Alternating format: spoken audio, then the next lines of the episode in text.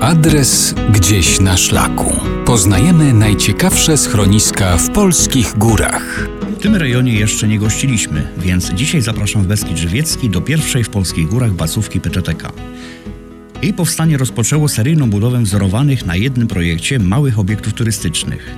Jest ich dzisiaj w Polsce kilkanaście, m.in. na Krawcowym Wierchu, w Bartnem, na Jaworzcu, Maciejowej, Małej Rawce czy w Cisnej. Wszystkie powstały w latach 70. i 80. jako przeciwwaga dla tych istniejących już większych schronisk, które świadczyły usługi turystyce masowej kwitnącej w owym czasie w Polsce. Bacówki były budowane z myślą o turystach indywidualnych. Adres gdzieś na szlaku. Do najpiękniejszych polskich schronisk zaprasza Albin Marciniak.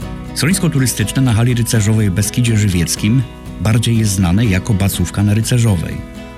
Pierwotnie istniał projekt przetransportowania z Soblówki na halę gotowej, złożonej bacówki helikopterem, lecz ten pomysł okazał się niewykonalny z powodów technicznych. Bacówkę wybudowano ostatecznie na miejscu, a otwarcia dokonano 14 września 1975 roku. Z nad schroniska roztacza się panorama na Pilsko i Babią Górę, Tatry, Podhale, a nawet Niżne Tatry i Małą Fatrę na Słowacji. Obok bacówki możliwe jest rozbicie namiotu z możliwością korzystania ze wszystkich urządzeń znajdujących się w bacówce. Wieczory w Solisku przy kominku nabierają lepszego klimatu, bo obiekt nie jest zelektryfikowany, a prąd dostarczają agregaty i akumulatory.